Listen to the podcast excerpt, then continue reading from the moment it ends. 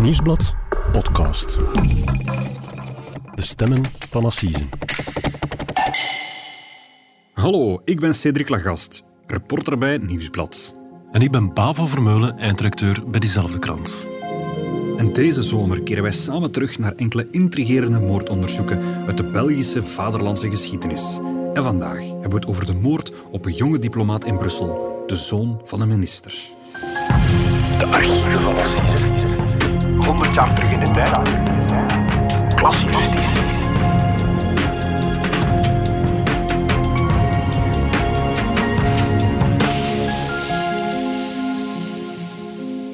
Cedric, hier zitten we weer. Het is voor de vijfde en helaas ook laatste aflevering van onze zomerreeks Archieven van Assise. Beetje jammer toch wel. Ja, dat vind ik echt wel, want er zijn echt wel straffe verhalen opnieuw gepasseerd uh, deze zomer, moet Ja. ik zeggen. Ik hoop dat je het toch een beetje boeiend vond, Bavo, om hier ook je zomer te komen spenderen. Ja, zeker, zeker. Oké, maar het is een beetje jammer dat de laatste aflevering is. Maar ik denk dat, ik toch wel een, dat we toch wel een knaller voor de laatste aflevering hebben gespaard. Ik vind het zelf ook een heel boeiend verhaal. En het is dit keer een aflevering die echt helemaal ingaat op die, op die rode draad van dit seizoen. Met name klasjustitie. Hè? Want het, het gaat echt deze keer over een moord in de hoogste kringen van het land. Oké, de lat ligt hoog en we gaan erover. Ja, het gaat over de moord op een jonge diplomaat in het België van 1906. En niet de eerste, de beste diplomaat, maar de zoon van een Chileens minister.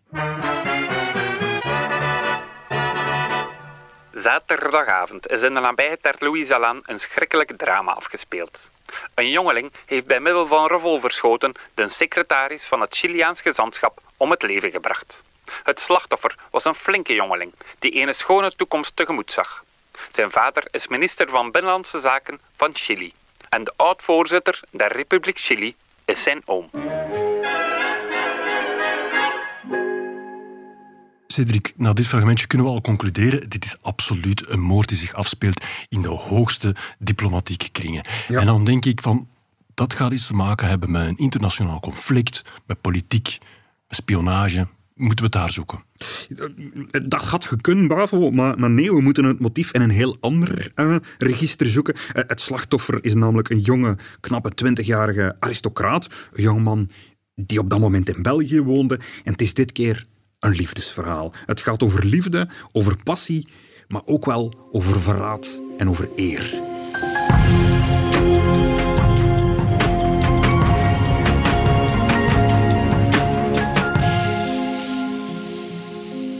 Oké, Cedric, we zijn vertrokken. Eerst de moord zelf. En dat is gebeurd aan de Louise-Alaan. Hebben we het net gehoord. Ja, het gebeurt op een zaterdagavond, op zaterdag 24 februari 1906, in een herenhuis langs de Vleurgatse Steenweg in Elsene. En die straat ligt inderdaad, zoals je zegt, vlakbij de bekende Louiselaan. En Ja. ook een beetje het Terkamerenbos daartussenin. Dat is vandaag nog altijd een beetje de diplomatieke buurt, denk ik. Je hebt natuurlijk veel ambassades in de Europese wijk vandaag de dag in Brussel. Maar daar, rond het Terkamerenbos, dat is zo'n beetje de buurt rond de Franklin-Rooseveltlaan. Daar, daar zijn ook vandaag nog tientallen ambassades, consulaten en zo meer. En wordt de moord ook gepleegd in een van die ambassades? Nee, we zitten daar eh, eigenlijk in een familiepension. Het pension van het Brusselse koppel Paul Geiger en Sophie Schlick. Die verhuren een aantal kamers aan studenten, maar eigenlijk ook aan, aan jonge diplomatieke ambtenaren. Ja. Zoals Ernesto Balmaceda. Dat is een, een jonge Chileen, 20 jaar.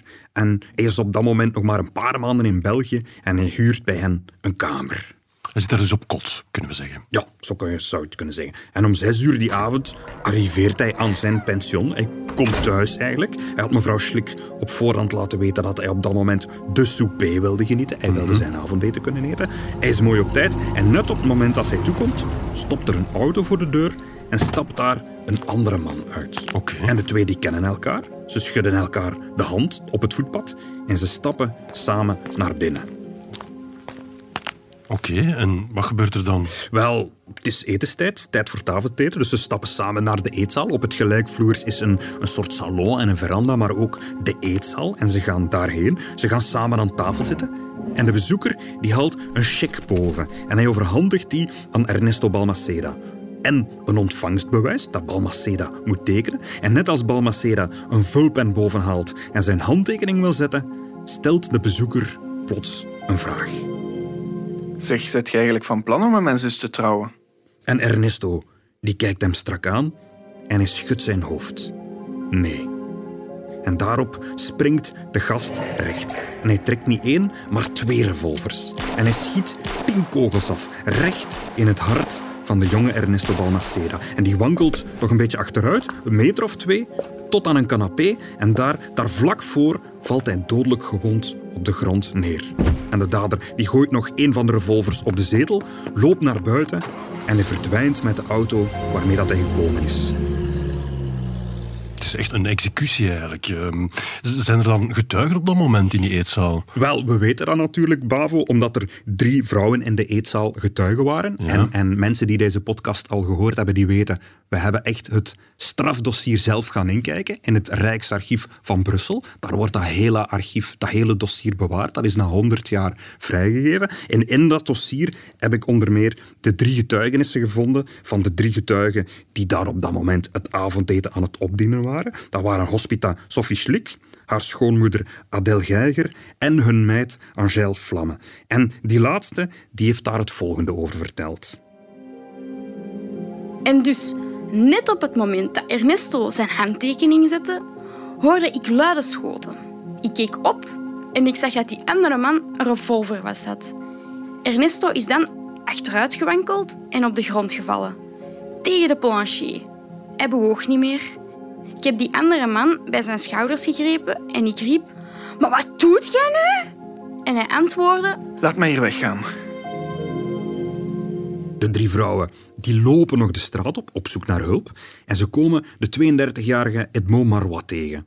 Een kandidaat-notaris, zo staat op zijn verhoor dat in het strafdossier zit. En hij gaat mee het huis binnen met de drie vrouwen. En daar ziet hij in de eetzaal een man op de grond liggen in een zwart kostuum met een wit hemd, blauwe bretellen, een geel-zwarte stropdas en een lange grijze overjas. Dat is Ernesto Balmaceda uiteraard, die dodelijk is getroffen. Hij heeft nog zijn bruine handschoenen aan en zijn gezicht hangt vol bloed. Ik heb de knopen van zijn pardessus losgeknoopt. En ook zijn jas tot op zijn hemd. Hij leefde nog, want hij heeft zijn hoofd nog een paar keer bewogen. Maar hij heeft geen woord meer gezegd. En na tien minuten is hij plots gestorven. Nu hoorden we een van de getuigen die er ook bij was op de crime scene. En de reden waarom dat je dat zo gedetailleerd kunt beschrijven is omdat er tekeningen van gemaakt zijn. Want zo ging dat 100 jaar geleden. Dat hebben we in vorige afleveringen ook soms gezien.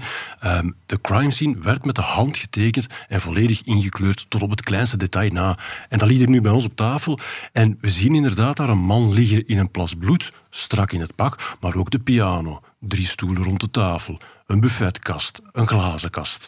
Is echt een indrukwekkend document. Ja, dus natuurlijk omdat er geen fotografie was in die tijd, of fotografie bestond wel, maar was heel zeldzaam. En daarom lieten ze landmeters eigenlijk gewoon de plek eh, documenteren, in plaats van, zoals vandaag de dag gebeurt, een, eh, een fotograaf die een foto van de plek trekt. Ja, het is echt bijna een kunstwerkje. We zullen dat dan ook, zoals altijd, op ons Instagram-kanaal zetten.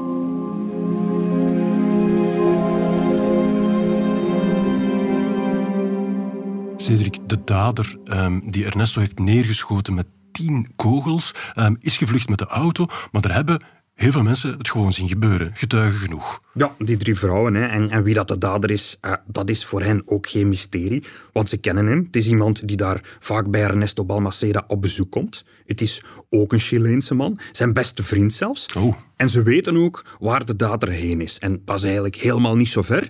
Amper 50 meter verderop, letterlijk om de hoek, in de Abdijstraat. Daar was op dat moment de diplomatieke vertegenwoordiging van Chili gevestigd. En ze weten, daar is ze naartoe. Daar kan de politie hem eigenlijk gewoon vinden. Ja, en dat is dan de ambassade van Chili. Ja, niet de ambassade. Het is net een, een trapje lager. La légation heette dat in het Frans, of eh, de diplomatieke gezantschap. Eigenlijk, het- een, een, een land kan in een bevriende natie een ambassadeur posteren en die werkt dan in een ambassade. Ja. En in landen waar geen ambassade is, en, en zeker in die tijd had je niet overal een ambassade, kon je een eh, diplomatieke gezantschap opzetten. Dat is een, een klein trapje lager. En Chili had bijvoorbeeld een ambassadeur in Londen, niet in Brussel. In Brussel was er een gezantschap geleid door een diplomaat. De zaakgelastigde heette die. En dat was in Brussel al jaren de Chileen Louis Waddington. En het is dus daar dat onze dader gewoon naar binnen is gegaan. En iedereen weet dat. Ja, want de drie vrouwen die hebben de dader herkend. De man die daar is binnengekomen met die check, dat was Carlos Waddington. Ah. De op dat moment 18-jarige zoon van de zaakgelastigde. En hij woont daar gewoon op de Chileense legatie. Ja. En ook van dat gebouw zit eigenlijk een plannetje in het archief. En dat was eigenlijk een statig huis rondom een groot park. Dat bestaat nu niet meer vandaag, heb ik gezien in de Abtijstraat. Eh, dat is afgebroken. Daar staat nu een groot appartementsgebouw. Maar hij woonde daar ja. en de zaakgelastigde en zijn familie die zijn net zoals een ambassadeur eigenlijk diplomatiek onschendbaar. Ja, ja, dus de politie kan niet zomaar binnengaan en die man oppakken of die jongen oppakken.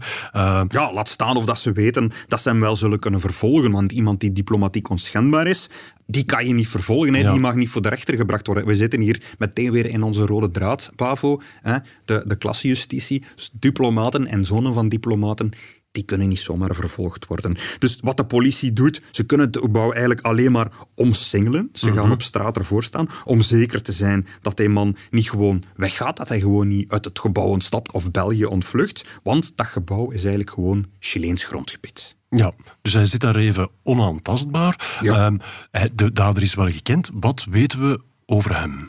Wel, Carlos Waddington, 18 jaar, woont eigenlijk al op dat moment heel lang in België. Is geboren in Chili, maar hier opgegroeid. Is in Brussel naar de middelbare school geweest, de middelbare school Saint-Louis. En op het moment van, van het drama, zullen we maar zeggen, studeerde hij eigenlijk eh, aan de Universiteit van Gent en wou ingenieur worden. En zijn medestudenten in Gent noemen hem een rustige, intelligente kerel. Beetje gesloten wel, beetje timide, maar een sympathieke man. Ja, wat heel belangrijk is, denk ik, is wat je daarnet hebt gezegd, is dat de dader eigenlijk een zeer goede vriend was van Ernesto, het slachtoffer. Ja, ze kenden elkaar nog niet zo heel lang, want Ernesto Balmaceda was eigenlijk vlak voor de zomer van 1905 in Brussel beland. Hij was eigenlijk uitgestuurd naar België. Ehm, hij was de tweede secretaris van Louis Waddington. Maar natuurlijk, hij en, en Carlos Waddington, dat waren twee leeftijdsgenoten. Die hadden dezelfde leeftijd. Die waren Spaanstalig, die kenden hier niet veel mensen. En die waren eigenlijk een beetje op natuurlijke wijze boezemvrienden geworden. Maar eigenlijk is het niet zo'n belangrijke kerel. Hij is, hij, is, nog maar 18 jaar. De stagiair op de ambassade, om het zo te zeggen. Ja, maar ik komt wel uit een zeer vooraanstaande Chileense familie. Eigenlijk staat zijn familie in Chili zelf nog een, een trapje hoger dan de familie Waddington. Want het was een, een Spaanse familie uiteraard, die zich in de 18e eeuw in, in, in Chili gevestigd hadden. En, en zijn oom langs vaderskant, José Manuel Balmaceda, die was een paar jaar voordien tot president van Chili verkozen. En zijn oom aan moederskant, Emilio Bello, die had er dan weer een termijn als minister van Buitenlandse Zaken op zitten. En hij zou een paar jaar later, in 1925, op zijn beurt zelfs president worden. Ah, En zijn eigen vader, Rafael Balmaceda, die zit op dat moment natuurlijk in Chili. En hij was tot enkele maanden voor de moord minister van Binnenlandse Zaken. Er bestaat ook een plechtige foto van Ernesto Balmaceda. Dat staat ook in het strafdossier. Ehm, dit is hem eigenlijk.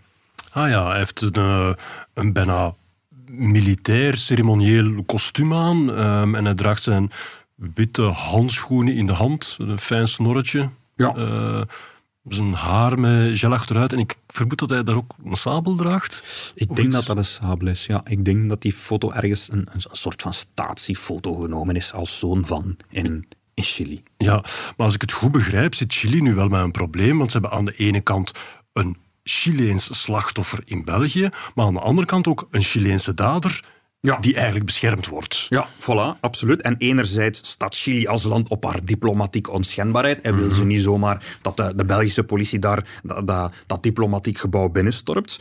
Eh, maar anderzijds natuurlijk de moord op de zoon van een oud regeringslid. Ze Ja, wil ook wel dat dat wordt opgelost. En dus, na een paar dagen, op 2 maart, wordt in Chili de knoop doorgehakt en het land laat weten dat ze zullen meewerken aan het onderzoek. Alle Chileense diplomaten mogen ondervraagd worden, ook Carlos Waddington. En na de ondervraging wordt de 18-jarige naar de gevangenis van Sint-Gilles gebracht.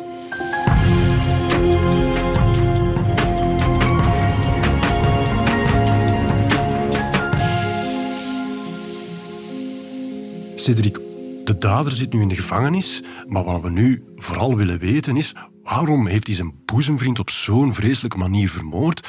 En dan dat ene zinnetje hè, dat echt wel opvalt als hij vraagt, ben je van plan om met mijn zus te trouwen?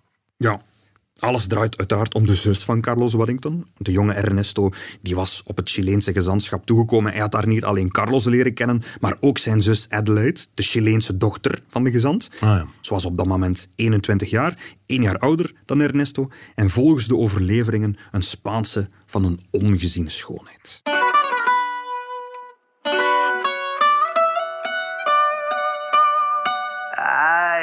En dat is dus het meisje waar Ernesto verliefd op wordt. Ja, er is een romance tussen hen twee opengebloeid daar in dat diplomatieke gebouw. Nu, heel voor de hand liggend was dat niet, want Ernesto wordt eigenlijk als een ernstige, carrièregerichte kerel omschreven. Niet iemand die de dochter van de baas gaat zitten veroveren. En ook, we zijn natuurlijk in 1906. Ja. Op dat moment is er een veel puriteinsere omgang tussen jonge mensen. Eh, zeker tussen tieners. En Adelaide, een jonge vrouw, die moet eigenlijk het grootste deel van haar tijd gewoon binnen blijven. Ze, ze moet veel op haar kamer zitten. Ze mag niet zomaar alleen de stad in, zo een beetje op straat rondhangen. Dat gaat niet. En zelfs alleen zijn met een man, dat is eigenlijk compleet uit een boze. ja, het is dus een verboden liefde.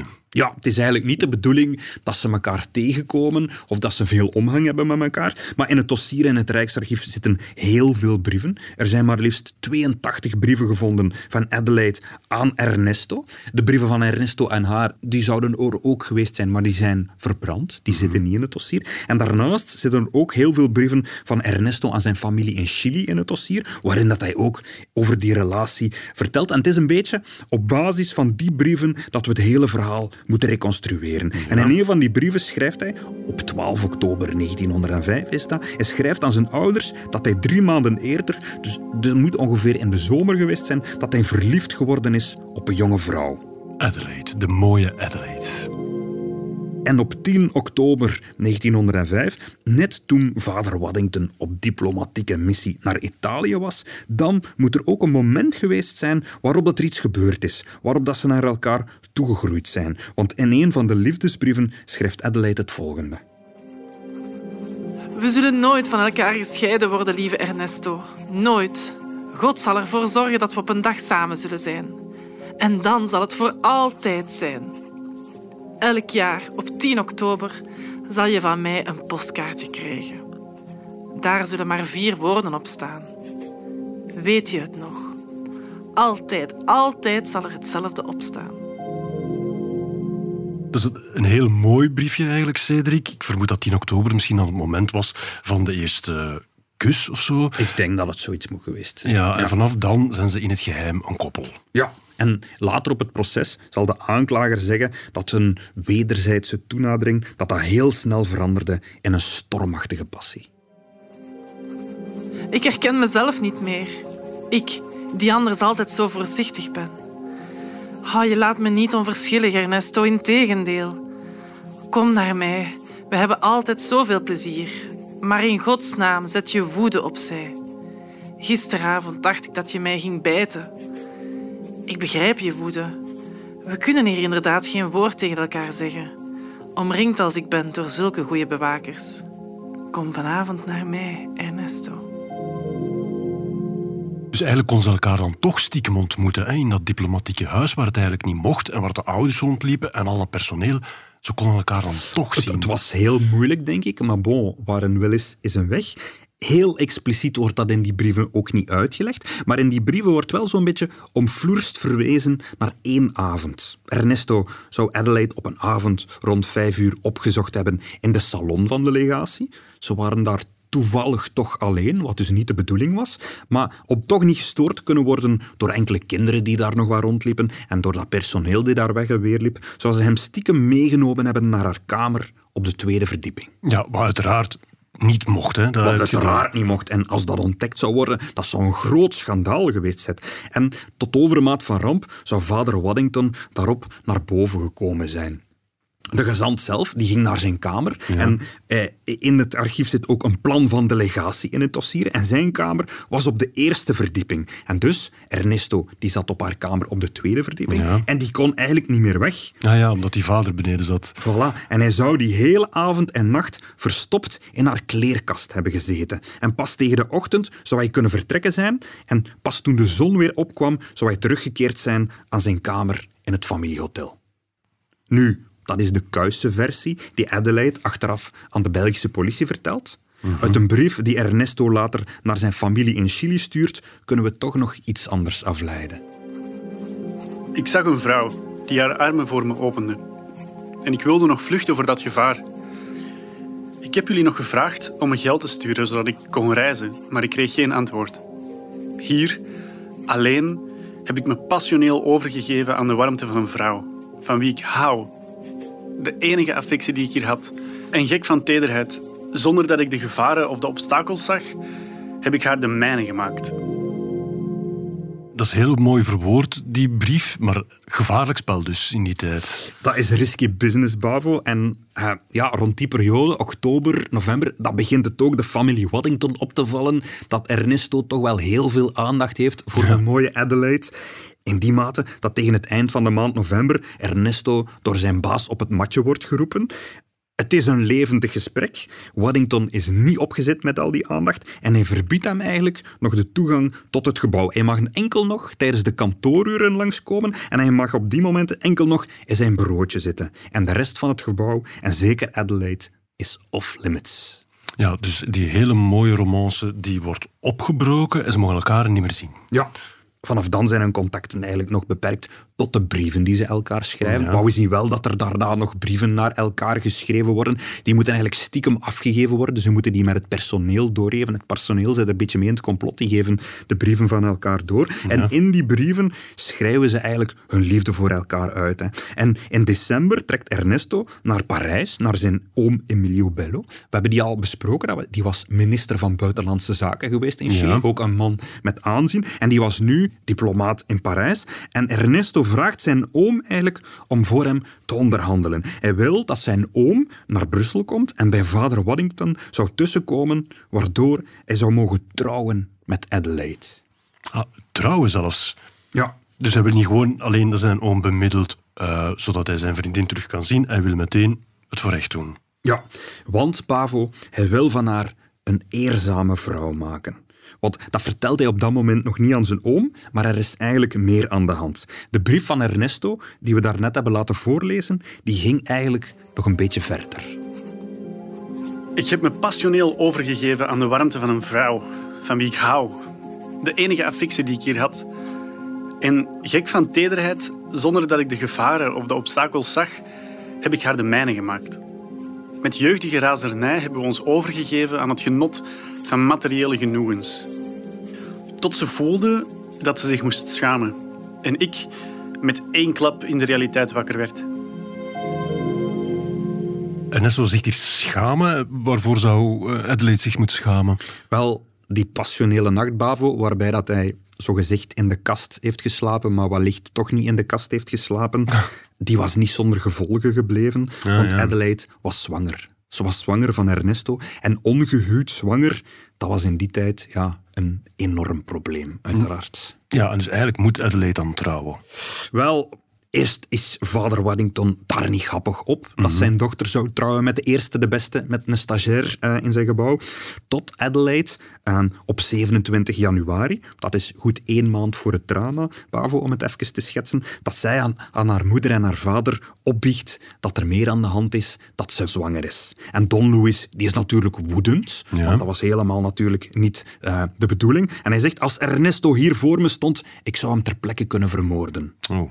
Maar natuurlijk, de situatie doet hem ook wel inzien. Op dat moment, er is voor hem geen andere optie meer. En ze zal nu wel moeten, moeten trouwen, trouwen, met hem. En om eerlijk te zijn, Bavo, hij beseft natuurlijk ook wel dat de familie Balmaceda, dat dat eigenlijk wel een goede partij is voor zijn dochter. Ja, ja wegens al die um, connecties op uh, hoge levels. Ja, en op 30 januari komt er een lang verwacht telegram vanuit Santiago de Chili, vanuit de vader, de ex-minister. En hij zegt...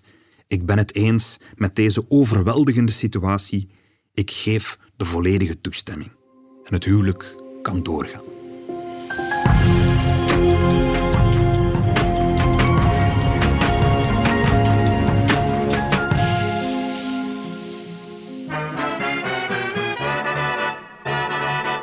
De jonge Balmaceda had op de talrijke feesten die in het Chiliaans gezantschap in de Abdijstraat gegeven worden, de dochter de zaakgelastigde ontmoet.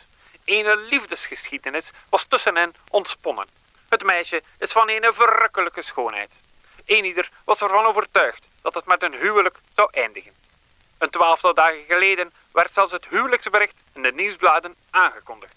En het verlovingsmaal had plaatsgehad, bijgewoond door al de diplomaten te Brussel aanwezig. Door de voornaamste personaliteiten van de hoge wereld.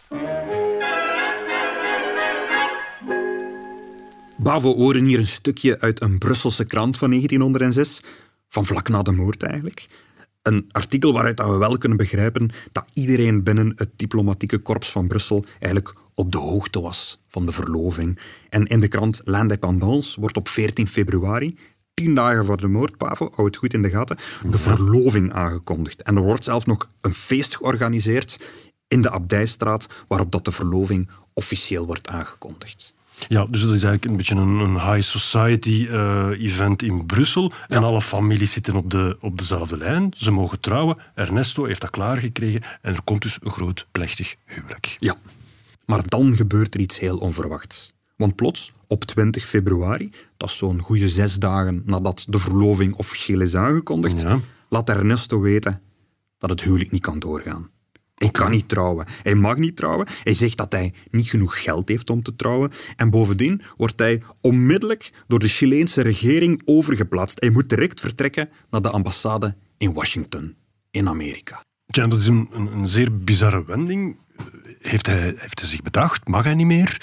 Dat is de vraag natuurlijk, hè. en het is ook de vraag die de familie Waddington zich stelt. Feit is dat haar vader, Louis Waddington, erop aandringt dat Ernesto onmiddellijk met zijn dochter zou trouwen. Dat hij nog met haar zou trouwen, nog voordat hij naar Amerika vertrekt. Ah ja, want ze is zwanger. Want ze is zwanger natuurlijk. Maar dat gaat niet, want Ernesto is op dat moment 20 jaar. Ja. Ik denk dat je in België op dat moment 21 jaar moest zijn om te trouwen. En Ja. dat Ernesto dus eigenlijk niet kon trouwen. Tenzij hij toestemming had van zijn vader. Hij had de toestemming nodig van zijn vader in Chili om met dat huwelijk door te gaan. En dat ene telegram van zijn vader, waarin zijn vader zegt: Ik geef de volledige toestemming. Ja. Dat was niet voldoende. Er moest een officieel document bij, in, in België op tafel komen waaruit dat, dat, eh, die toestemming blijkt. Ja, en dus de familie Wellington compleet met de handen in het haar. Ja. Wat gebeurt er nu? Ja, en dat zorgt voor een enorme ruzie. Een ruzie in die mate dat Ernesto op 23 februari, dat is eigenlijk de dag voor de moord, dit telegram naar Chili stuurt. Leven in gevaar. Stop. Stuur 2500 frank. Stop. Onmiddellijke toestemming om te vertrekken. Stop. Toestand wanhopig. Stop. Antwoord. Naar mijn woning. Stop. Dat telegram, Bavo, dat zit ook in het strafdossier. We zullen er een foto van eh, op onze Instagram-pagina zetten, want Ja. het is ook toch een beetje een opmerkelijke document. Iemand die de dag voor zijn moord zegt dat hij vreest voor zijn leven. Ja. En het ziet er eigenlijk ook prachtig uit. Een telegram uit 1906 naar Chili. Daar moesten ontelbaar veel stempels en, en, en zegeltjes Ah, ja. op. Het is eh, een kunstwerkje op zich. Ja, oké. Maar dus, de dag voor de moord, hij voelde eigenlijk zijn dood aankomen, zoals je zelf aangeeft. Ja. Ehm, en hij roept zijn familie dus te hulp. Ja, en dat is een machtige familie, Bavo. Die zouden wel iets kunnen doen. Alleen, die zitten natuurlijk aan de andere kant van de wereld. Die kunnen niets doen. En die hebben hun vertegenwoordigers hier in België. Maar natuurlijk, dat is net de familie Waddington. Voor Ja, ja. wie dat Ernesto zo bang is. En we zijn nu vlak voor die moord. En het is dus in die context dat Carlos Waddington, de zoon van de zaakgelastigde, naar dat familiepension stapt om zijn boezemvriend te confronteren. Ja. En in zijn eerste verhoren zegt hij dat hij die dag te horen krijgt van zijn moeder dat zijn boezemvriend niet met zijn zus wil trouwen, maar ook dat ze zwanger was. En dat wist hij tot dan eigenlijk niet. Ah, ja. En dus daarom gaat hij naar dat pension, eigenlijk een beetje onder het, het mom van ik ga hem zijn cheque geven, hij moet nog een cheque krijgen, ik zal die cheque krijgen. Maar eigenlijk zit hij daar met een andere missie. Hij wil eigenlijk zijn vriend overtuigen om toch met zijn zus te trouwen. En daarom vraagt hij hem op dat moment ook, gaat jij met mijn zus trouwen? En als die heel duidelijk zegt van nee, ik ga niet trouwen, ja, dan valt zijn, stort zijn wereld een beetje in, zegt hij. Hij trekt twee revolvers en hij richt die op zijn boezemvriend. En dat hij twee revolvers trekt, Bavo, dat lijkt misschien een beetje overdreven, maar hij had eigenlijk aanvankelijk een ander plan. Oké. Hij was eigenlijk van plan om zijn vriend uit te dagen tot een duel. Oh, nee. Ze zouden elk met een revolver strijden voor de eer van hun eigen familie.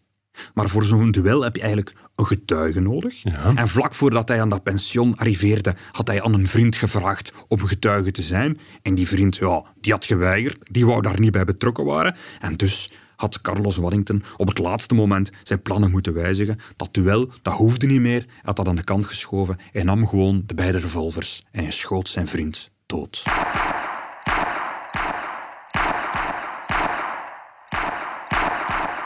Oké, dat is een heel dramatisch einde van dat verhaal, maar wat ik nog altijd niet goed begrijp, Cedric, is waarom is Ernesto zo radicaal en zo snel van gedacht veranderd? Van heel graag willen trouwen met de vrouw op wie hij zo verliefd is, tot ineens, het gaat niet meer.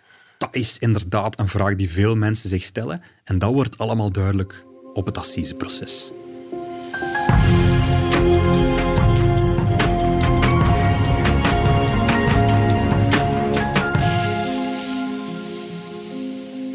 Cedric Carlos Waddington verschijnt uiteindelijk voor het Hof van Assise. En is dat dan, zoals bij alle voorgaande uh, zaken die je besproken hebt, is daar grote belangstelling? Zitten ze al vol?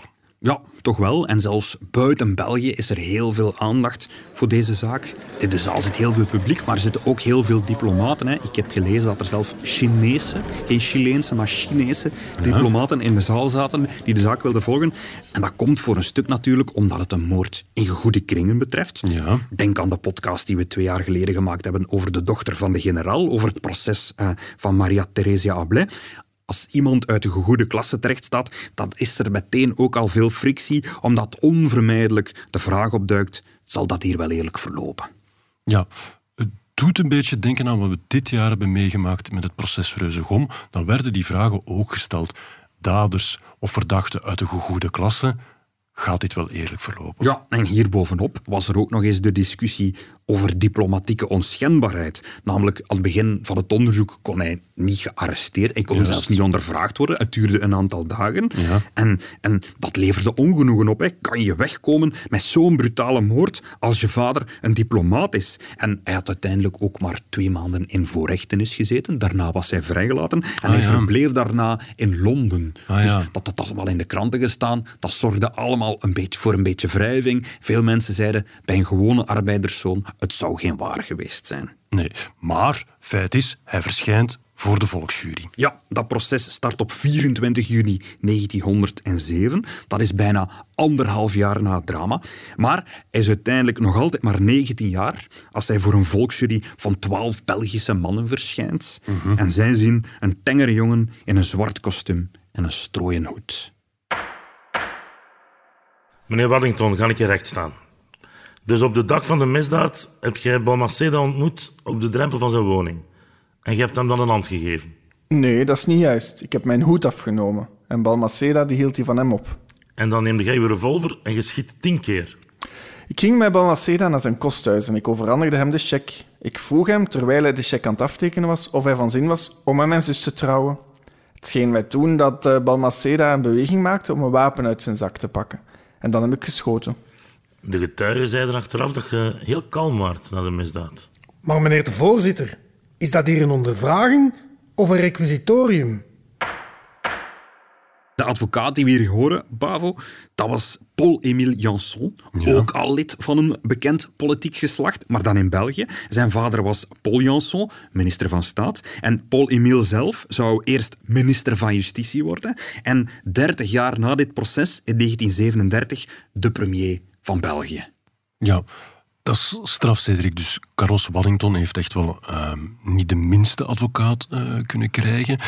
Het is wel een moeilijke opdracht, denk ik, hè, voor zijn raadsman. Eh, het is moord in koele bloeden, drie getuigen, dader, bekend meteen. En hij heeft de publieke opinie tegen. Dat heb je er net uitgelegd. Ja, die staan zeer wantrouwig tegenover de diplomatenzoon. hè. En, en toch zal het proces een beetje een, een onverwachte wending krijgen. Want tot nu zaten we in een verhaal van, van Shakespeare, Pavo, bij Romeo en Julia. Ja. Maar om dit verhaal te begrijpen, moeten we even weg uit de assisezaal en een beetje teruggaan in de tijd. Want in het dossier zitten naast de liefdesbrieven van Adelaide ook tientallen brieven die Ernesto aan zijn familie in Chili heeft geschreven. En dan gaan we weg van het Italiaanse Verona en gaan we naar Latijns-Amerika. Dan komen we terecht in een tragische familiekroniek van Gabriel Garcia Marquez. Want de familie Balmaceda was in Chili helemaal niet gelukkig met dat nakende huwelijk.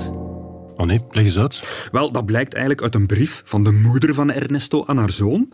Want Adelaide is blijkbaar zo'n vijf jaar eerder eens met haar vader op bezoek geweest in Chili. Ze moet dan ongeveer 16 jaar geweest zijn. En dat bezoek is in de hoge kringen in Chili niet onopgemerkt voorbij gegaan. Ze vonden haar eigenlijk te koket. Een beetje te Europees, zou je kunnen zeggen. Een beetje te uitdagend. Ah ja, dus um, Adelaide had een soort van reputatie al daar. Uh, en zeker bij de familie Balmaceda. Ze vonden haar niet deftig genoeg. Ze is eigenlijk niet goed genoeg, Bavo. Ernesto is de zoon van een minister. Hij komt uit een politieke dynastie. Zijn oom is de president geweest. En hemzelf wordt een grote toekomst in Chili voorspeld. Dat jobje daar in Brussel, Bavo, dat is maar een beetje zijn opleiding. Dat is een deel van zijn opleiding. En de vader van Adelaide, dat is alleen maar een zaakgelastigde, niet eens een ambassadeur. Eigenlijk iemand die al zijn hele leven vastzit in Brussel. En ze hadden eigenlijk meer verwacht. Te min. Te min, ja. Zijn oudere broer Rafael Balmachera die schrijft dat ook met zoveel woorden in een brief vanuit Chili. Mijn allerliefste broer, ik ga beginnen met zeggen dat het me pijn doet. Dat je me nooit ook maar één woord hebt verteld over deze, ja, over deze waanzin. Die hele affaire met de kleine Waddington, dat is een van de grootste sommiteiten die je had kunnen bedenken. Je zegt dat ze gracieus en intelligent is, maar weet je nog welk effect ze hier had, toen ze in Chili was? Niemand kan toch een vrouw wensen die zich als jong meisje laat opmerken door haar riskant en ongepast gedrag. Je bent 20 jaar, je hebt een briljante toekomst voor je. Je bent daar voor je carrière. Als je daar niet vindt wat je dacht te vinden, keer dan terug naar je vaderland. Je vindt hier zonder twijfel 200 vrouwen die beter bij je passen dan zij. Cedric, het wordt heel duidelijk hier, die familie moet dat meisje niet. Maar ik vraag me dan af, ze hadden toch hun toestemming gegeven. Die vader, Balmaceda, had toch een telegram gestuurd. Voor mij is het oké. Ja, er blijkt hier maandenlang dubbelspel te zijn gespeeld, Bavo. Okay. En niet alleen door de familie vanuit Chili, maar ook door de dolverliefde Ernesto zelf. Je weet nog, in december 1905 vraagt hij aan zijn oom Emilio om voor hem met vader Waddington te onderhandelen. Ja, zodat hij toch zou kunnen trouwen met Adelaide. Ja, over het huwelijk. Maar terzelfde tijd stuurt hij een heel andere boodschap in de brieven naar zijn vader en moeder in Chili. Hij vraagt met aandrang dat zijn vader zijn politieke invloed zou gebruiken om voor hem een nieuwe post te vinden. Op 17 december al, dat is lang voordat het huwelijk wordt aangekondigd, polst hij of hij naar Japan kan, want hij wil weg. Hij wil helemaal niet trouwen. En de brief van Ernesto aan zijn moeder, waaruit dat we nu al twee keer geciteerd hebben, ja. die gaat eigenlijk nog verder. Er is nog een derde fragment. In die brief van 8 januari zegt hij dat hij eindelijk de moed heeft gevonden om zijn geheim te vertellen. Met jeugdige razernij hebben we ons overgegeven aan het genot van materiële genoegens. Tot ze voelde dat ze zich moest schamen. En ik met één klap in de realiteit wakker werd. In tranen zag ik mijn eigen lichtheid. Ik heb mijn zonde afgemeten en ontdekt dat ik net zo onteerd ben als zij. Ja, wat, wat, wat doe je dan? Ik heb haar op mijn eer en op mijn woord beloofd dat ik met haar zou trouwen. Je moet weten dat ik in geen geval zal trouwen. Ik heb aan mezelf duidelijk gemaakt dat ik de dingen met egoïsme moet beoordelen. En dus ja, zie ik mezelf gedwongen om deze dwaze en onwaardige komedie te spelen. Ik wil niet trouwen. Ik moet deze farce wel volhouden, tot ik naar Londen kan vertrekken, waar ik kan proberen om alles te vergeten. Ik heb dit niet durven vertellen aan oom Emilio in Parijs. Hij zal je een brief sturen en om toestemming vragen om mij te laten trouwen. De vader moet die toestemming weigeren. Dat is de enige oplossing. Maar Cedric, Ernesto speelt eigenlijk een heel vuil spelletje. Hè? Hij doet alsof hij met Adelaide wil trouwen, maar eigenlijk wil hij vanaf dag één al zijn zwangere vriendin dumpen. Ja, en hij noemt het zelf in die brief een komedie. Ja. Hij noemt het huwelijk de grootste tegenslag die hem zou kunnen overkomen. Maar zijn plan mislukt, want hij stuurt een brief naar zijn ouders in Chili en brieven naar, Zuid-Amerika, die zijn lang, wekenlang onderweg. En nog voor die brief daar aankomt, hebben zijn ouders al een telegram gekregen uit Parijs van oom Emilio en hebben ze, een beetje onder druk van die oom, op 30 januari wel toestemming gegeven.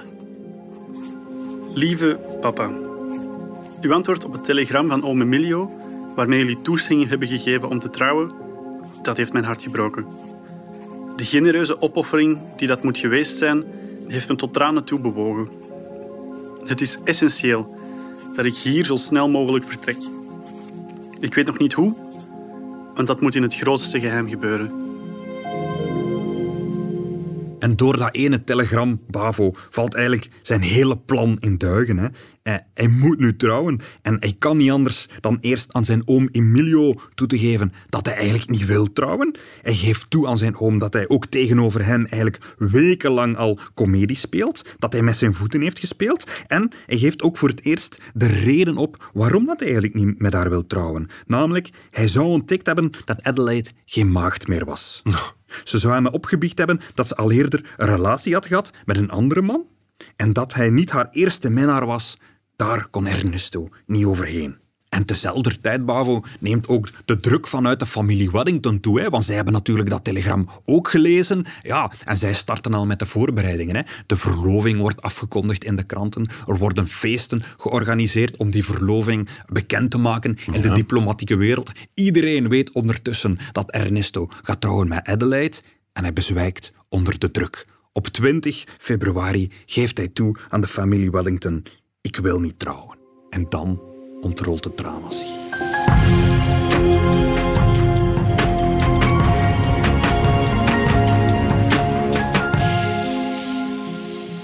Dus Cedric, hoe dat alles precies in elkaar klikt in dit verhaal, komen we pas te weten in de assisezaal. Ja, want daar worden ook die brieven voorgelezen na- natuurlijk. Hè. En beetje bij beetje wordt daar eigenlijk het, het proces gemaakt van Ernesto Balmachede. Hij wordt daar, hè, hij is de zoon uit een invloedrijke familie, maar hij wordt ook omschreven als een rijke luiszoon die het geld door ramen en deuren naar buiten gooit en ook die de zedige Adelaide verleidde en die haar dan in de steek liet. En een vriend van Ernesto komt getuigen en hij zegt dat Ernesto over Adelaide zei ik ga niet met haar trouwen. Nooit. Ik schiet nog liever de hele familie Warrington omver. En Adelaide als eerste. Dus, als ik het goed begrijp, met wat allemaal we nu horen, het slachtoffer Ernesto wordt een beetje de boeman in dit verhaal. Ja, het proces draait. Het is echt zo'n proces waarop dat je het schip plots een hele wending ziet maken en de andere richting uitvaren. En de advocaat van Warrington die vraagt de vrijspraak voor zijn cliënt. Want Carlos had de drang gevoeld om de eer van zijn zus te redden. Carlos was verpletterd door de ontering van zijn zuster en de smaadwoorden tot zijn moeder gericht. En voor iemand die, gelijk Carlos, zijn moeder, zijn zuster, zijn vader zo innig lief heeft, was de belediging zo bloedig dat anderen dan Carlos er het hoofd bij zouden hebben verloren. De advocaat van de familie Balmaceda probeert dan nog het tijd te keren door twee dagen lang alle liefdesbrieven van Adelaide in de rechtszaal voor te lezen. En hij wil daarmee eigenlijk een beetje aantonen dat zij de verleidster is die Ernesto in haar netten heeft getrokken. Maar die strategie dat ontploft eigenlijk in zijn gezicht. In het publiek beginnen de mensen hem uit te jouwen en op straat wordt de advocaat uitgefloten. Want Bavo, we zitten in het zedige België van 1907 en daar was het voorlezen van zoveel intimiteits, dat was te veel. Hij las de brieven op een wijze die iedereen ophitste en ontzenuwde. Vooral de beschuldigde, die had gedood om de door hem beminde zuster en tot het einde toe niets afwist van haar betrekkingen met Balmaceda, was bijzonder ontzenuwd. Zeker ogenblik zag men hem neerzinken op de bank, ten prooi aan een hevige crisis. Men hoorde hem murmelen, lafaard. Iedereen voelde dat het te ver ging en de advocaat van het tegenovergestelde uitwerksel oogste van wat hij wilde winnen. Dit duurde vijf uur lang. De afkeuring was algemeen en men had medelijden met de beschuldigde. Op het einde van het proces moet de jury drie vragen beantwoorden. Was het doodslag? Gebeurde dicht met voorbedachte raden? Was het dus moord? En ook nog of de misdaad eventueel werd uitgelokt. En na twintig minuten al komt de jury terug naar buiten en het antwoord is drie keer nee. Dus Carlos Wellington wordt vrijgesproken. Ja. Dus dat zijn eigenlijk meer plotwendingen dan een, eh, dan in een heel seizoen van familie. Ja, en in de zaal klinkt gejuich en applaus op alle banken. Carlos mag meteen naar huis, naar de villa in de Abdijstraat. En daar valt hij zijn zus Adelaide, die niet in de rechtszaal is geweest, huilend in de armen. Dat is een, een, mooi slot van een zeer, zeer bijzonder verhaal. Je hebt niet gelogen toen je in het begin zei van ik heb best tot laatste bewaard.